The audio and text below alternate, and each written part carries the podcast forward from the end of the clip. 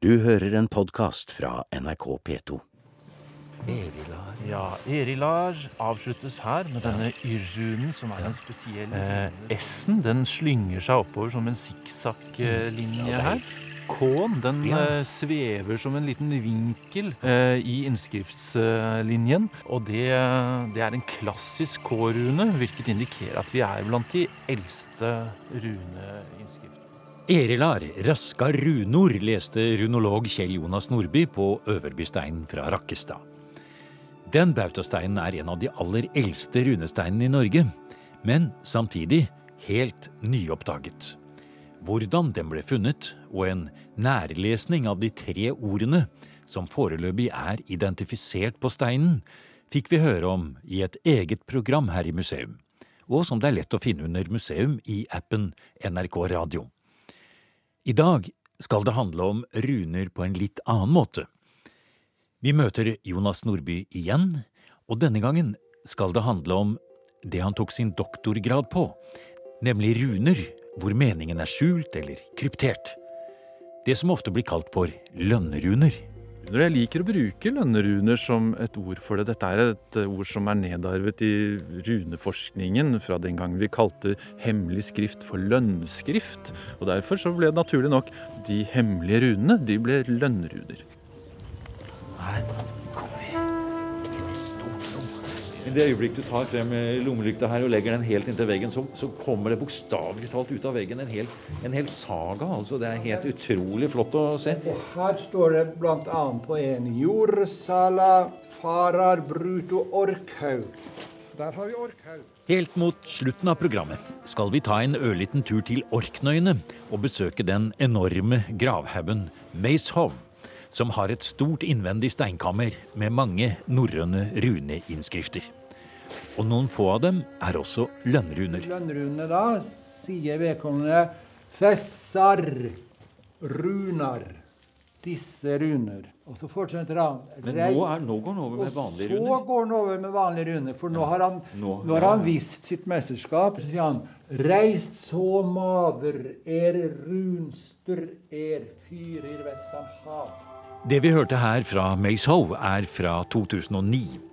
Eh, Og hvordan den beste runeristeren vest i havet skrev sine runer, det skal vi høre litt mer om mot slutten av programmet. Men nå går vi over til nåtid, og til Kjell Jonas Nordbys doktorgradsavhandling fra høsten 2018. Lønneruner, kryptografi i runeinnskrifter fra vikingetid og middelalder, heter den. For oss vanlige interesserte er det jo vanskelig nok å lese alminnelige runer, for å si det på den måten, og man skulle kanskje tro at når teksten i tillegg er systematisk forvansket og endret, så blir det helt umulig for alle andre enn den som skrev, å forstå meningen.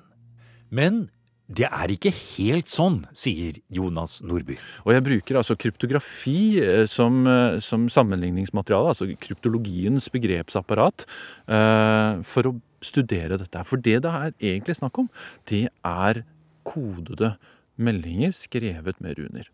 Eh, dette høres jo nesten esoterisk og, og på kanten ut, men det, det er veldig reelt, og det er en kjensgjerning at dette har foregått eh, i middelalder og vikingtid. Ja, ja, er det mange lønneruneinnskrifter blant de mer jeg håper å si, vanlige?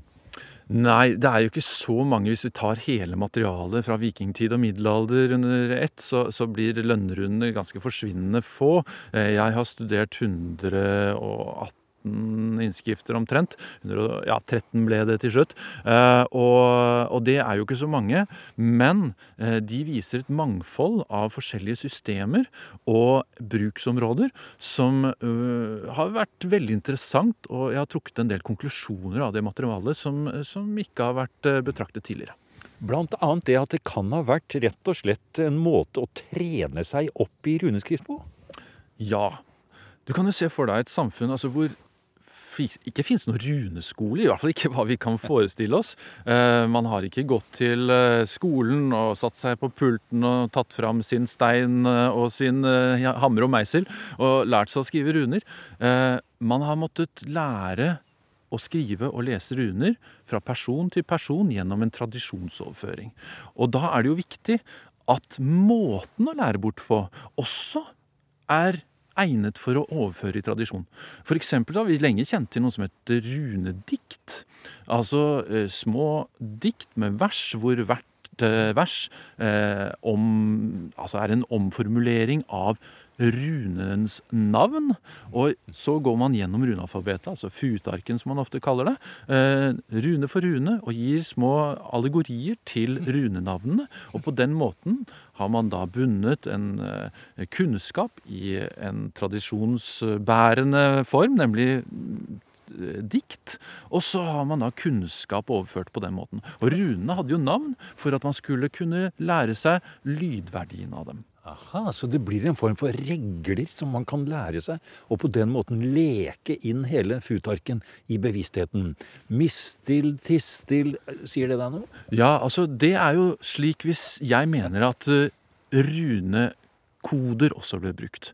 Fordi eh, når du nevner mistil, tistil, kistil, så er jo det noe som folk og runologer særlig, eh, lenge har oppfattet som rene magiske formler. Dette er noe vi finner på eh, par runesteiner fra vikingtid og fra innskrifter i middelalder. Og i tillegg så finner vi det også i en eh, fornaldersaga, altså en ganske sen eh, saga, eh, som er av typen litt eventyrlige, mye magiske, eh, festlige ting som skjer. Litt sånn sex, drugs and rock'n'roll-varianten av den anstendige sagaen.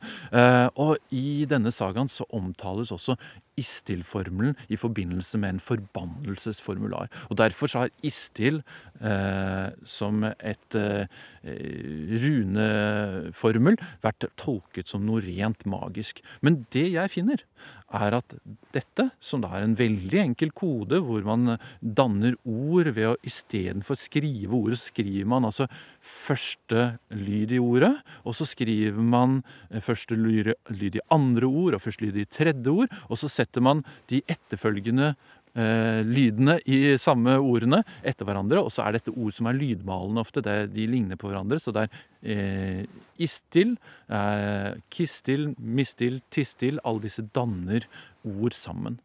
Det var klønete sagt, men eh, sånn er det. Ja. Eh, men i hvert fall disse istil-formularene opptrer ikke bare i magisk kontekst. De opptrer også i opplæringskontekst. Eh, Vi har en fantastisk liten rundepinne fra Tønsberg. Uh, hvor uh, to personer uttrykkelig har skrevet med runer at de snakker sammen for at den ene av dem skal lære seg runer av det.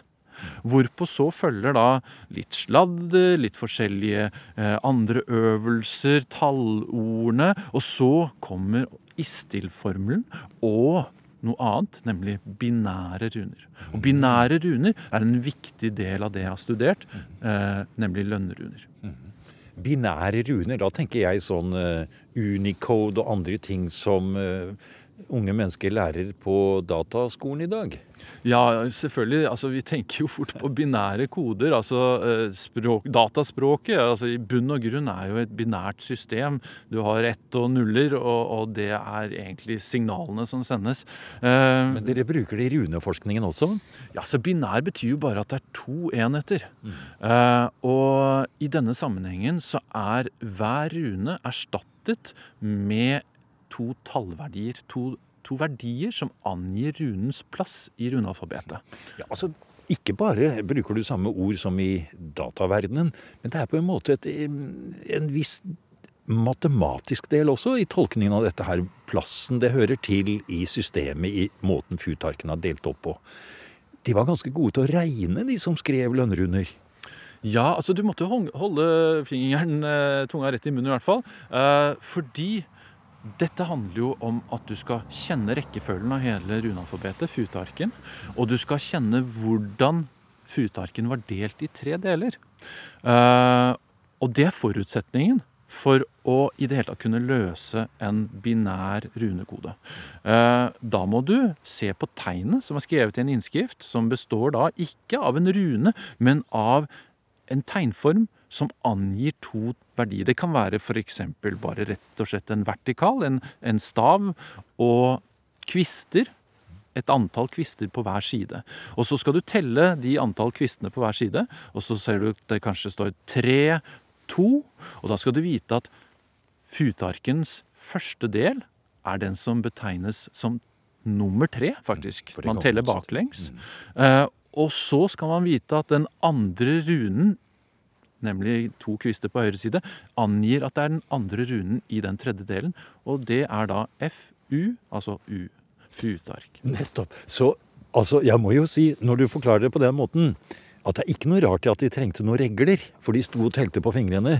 Mistil, tistil, fisk Jeg skal jo se, det blir nummer tre derfra og to bakfra. Ja, da blir det sånn. Så noen huskeregler var nok godt å ha når man skulle telle seg frem og tilbake. Men så kommer jeg jo kanskje da til det som du har også tenkt mye på i din avhandling, eh, Jonas. Det er hvorfor gikk man til dette store bryderiet å skrive på den måten når man bare kunne ha skrevet hele teksten rett ut. Ja, og det, det, er jo det som er så spennende. For det, dette har vi flere teorier på. Det er helt klart det er forskjellig type bruk. Um, den mest åpenbare er den å demonstrere hvor utrolig fantastisk man, flink man er til å skrive runer.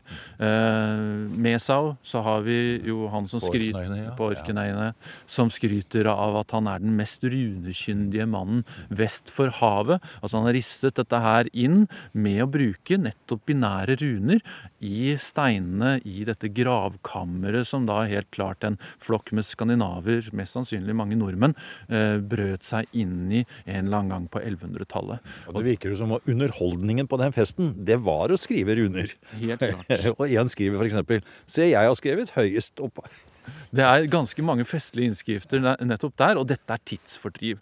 Men samtidig, denne, spesielt denne personen her, han ønsker å vise at han er ekstremt dyktig å skrive runer, og da bruker han binære runer uh, for å vise det. Uh, så ser vi også på en rekke runesteiner i eh, Sverige, Södermanland, eh, så forekommer nærmest de binære runene som utsmykning. Eh, i hvert fall på en eller annen måte så er det brukt for å framheve visuelt. Fordi binære runer, som sagt, jeg sa at de besto vanligvis av staver med et antall kvister på hver side, men de kan også ha andre visuelle utforminger. Og da står de ut av en ellers eh, vanlig runetekst som, som nærmest eh, eh, noe ekstra.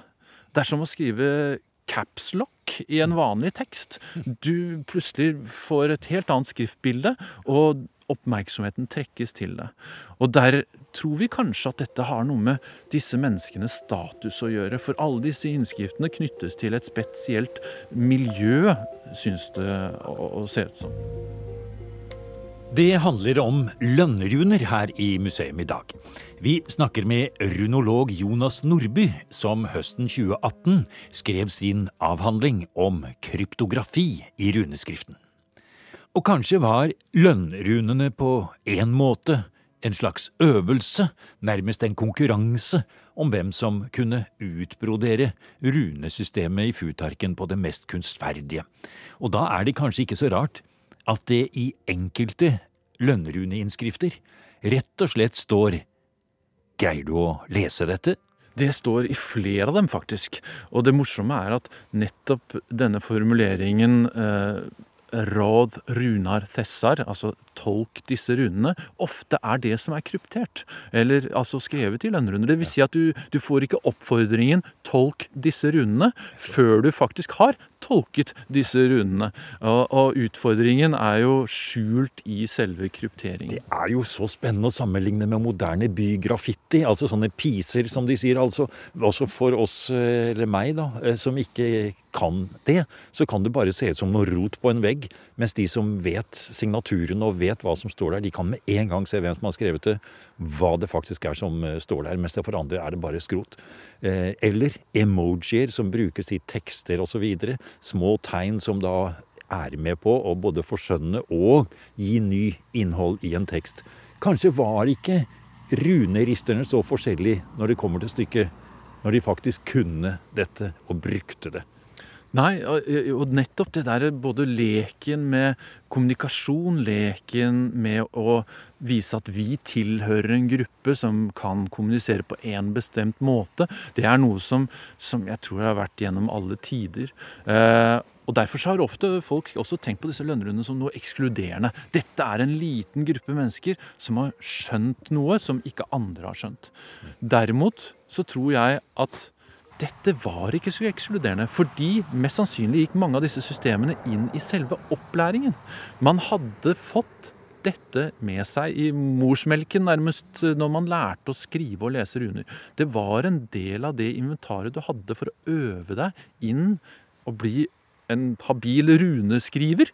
Eh, og så kunne du bruke det sekundært. Når du da var en eh, god runerister, så kunne du bruke det i mange andre kontekster. Men det betyr jo ikke at da var det ekskluderende for de andre. Det vil jo si at alle andre også hadde hatt den samme skoleringen og kunne mange av disse systemene. Selvfølgelig noen ganger var det vanskeligere, og noen ganger var det mer eh, til lett tilgjengelig. Så det kan vel også tyde på da hadde man bruk for mange forskjellige sånne koder. Og det er vel også det du har funnet, altså. Hvis det er sånn at det er så vanlig at folk kan disse forskjellige skjulte måtene å skrive på, så må man stadig nær sagt finne nye. Og du har jo blant annet gjennom mange av de som du har gått igjennom i din veldig spennende eh, doktoravhandling, så var det spesielt en kode som jeg syns hadde et så fint navn. Og det var en, eh, en kode som var, hadde navn etter det at man ville forville gudene. Jotunviller. Ja, men altså, det er en betegnelse som eh, jeg fant i et islandsk håndskrift. Eh, og dette originalhåndskriftet som vi nå bare har avskrift av, det er fra 1500-tallet. Og der kalles dette altså jotunvillur, som er altså det å forville jotnene. Eh, systemet i seg selv baserer seg på at du først må vite runenavnene på alle runene.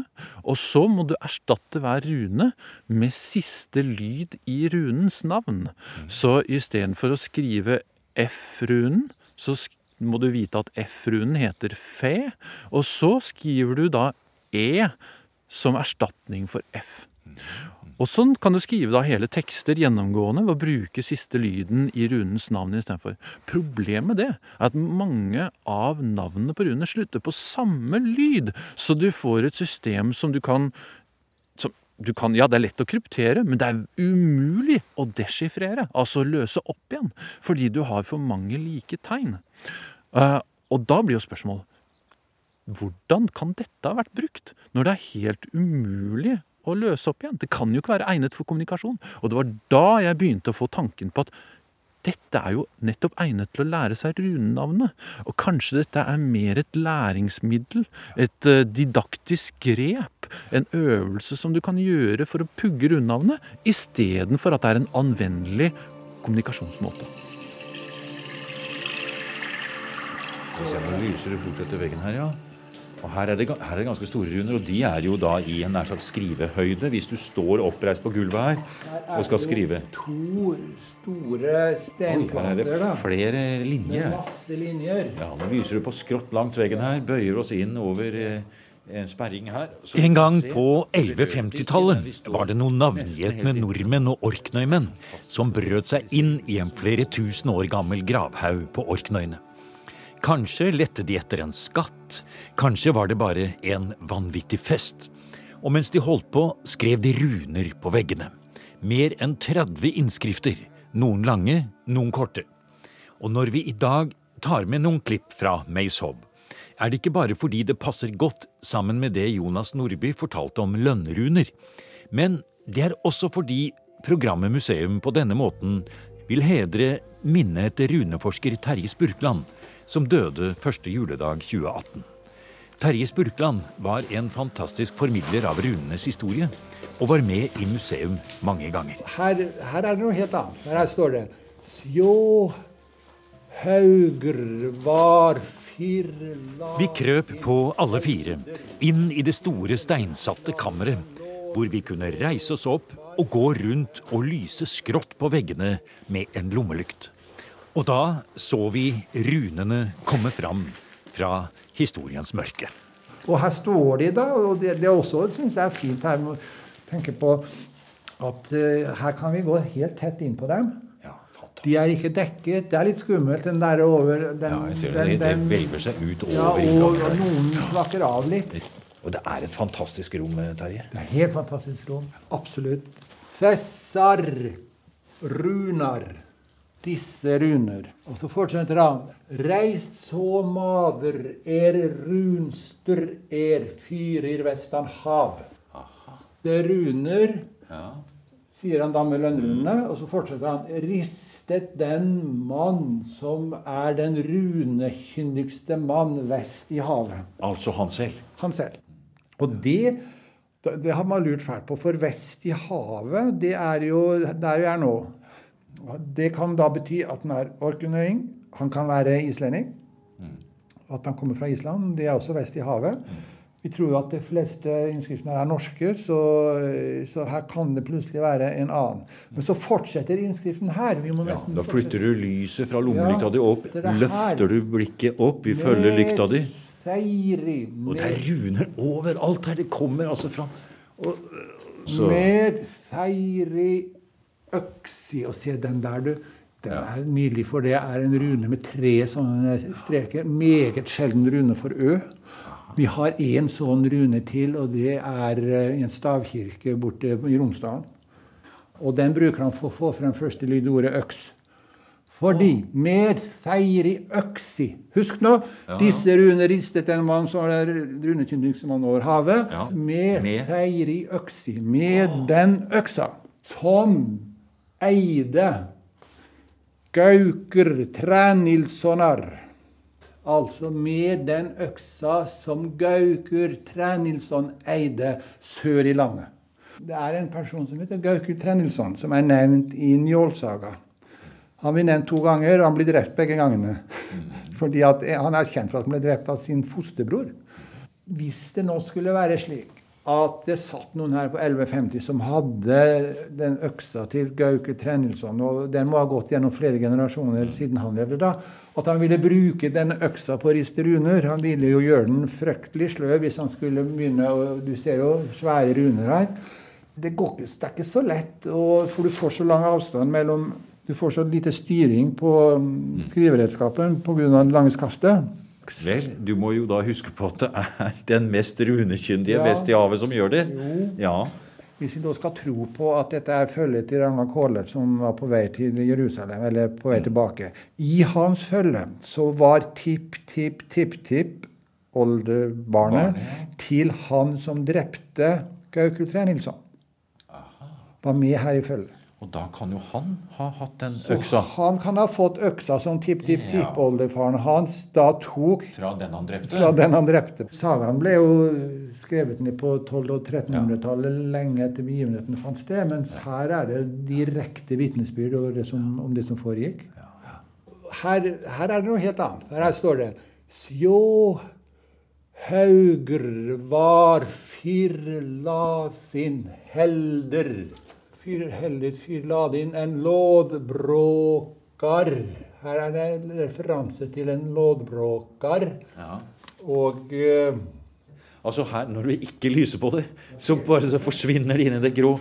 Men det øyeblikk du tar frem lommelykta her og legger den helt inntil veggen, så, så kommer det bokstavelig talt ut av veggen en hel, en hel saga. altså Det er helt utrolig flott å se. Det skal få så står det altså Sjåhauger var fyr lavin helder lådbråkar synir hennar Og så fortsetter den. Du, Neste linje, ja. ja.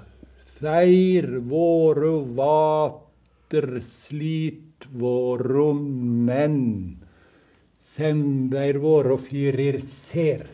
Og så Her begynner de å snakke om en skatt. Aha. Det betyr altså at denne haugen ble før bygget en lodbruks. Ja. Sønnene hennes, Aha.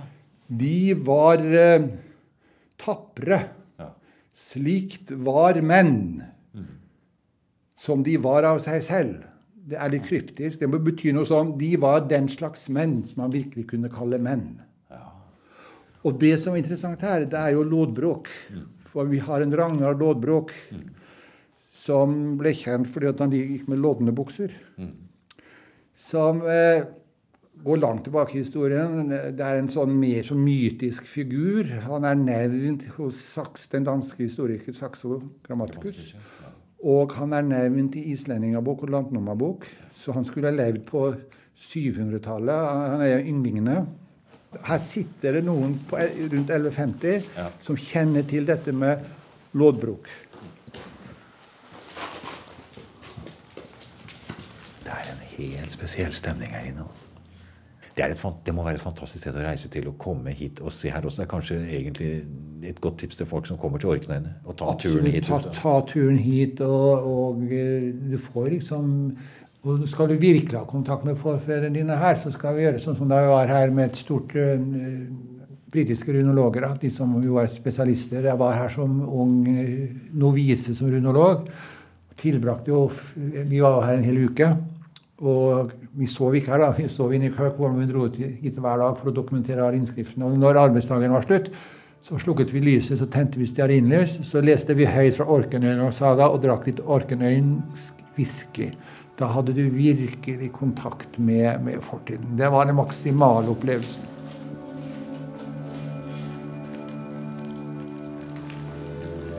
Du har nå hørt en podkast av programmet Museum fra NRK P2. Og send gjerne en e-post til museum.krøllalfa.nrk.no. nrk.no.